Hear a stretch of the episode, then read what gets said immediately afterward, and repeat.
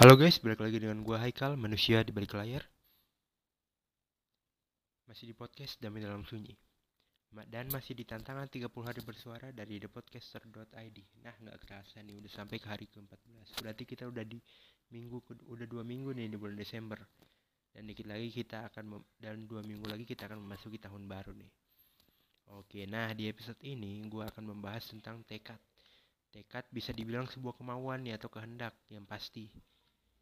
Nah, ketika kita memiliki impian, Pak, misalnya kita memiliki impian nih, pasti kita akan mau bertekad untuk untuk meng- mencapainya gitu dengan bersungguh-sungguh tanpa tanpa alasan apa pun.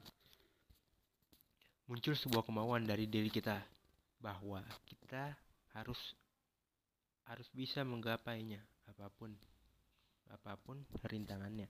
Namun ada satu hal yang harus disadari, munculnya tekad perlu dibersamai dengan nilai-nilai yang baik nih.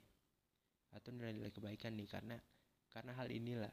Karena ketika kita melakukan hal-hal yang baik atau kegiatan-kegiatan yang baik dan penuh dengan nilai-nilai yang baik dalam menggapainya menggapai impian kita nih dan ketika kita bertekad kita akan mencapai target itu.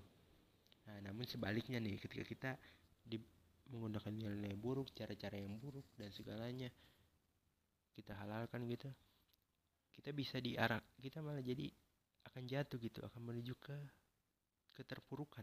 Nggak pasti gitu jadi nah kita boleh nih mempunyai tekad yang kuat tapi jangan lupa untuk membersamainya dengan hal yang baik agar kita bisa mencapai tujuannya.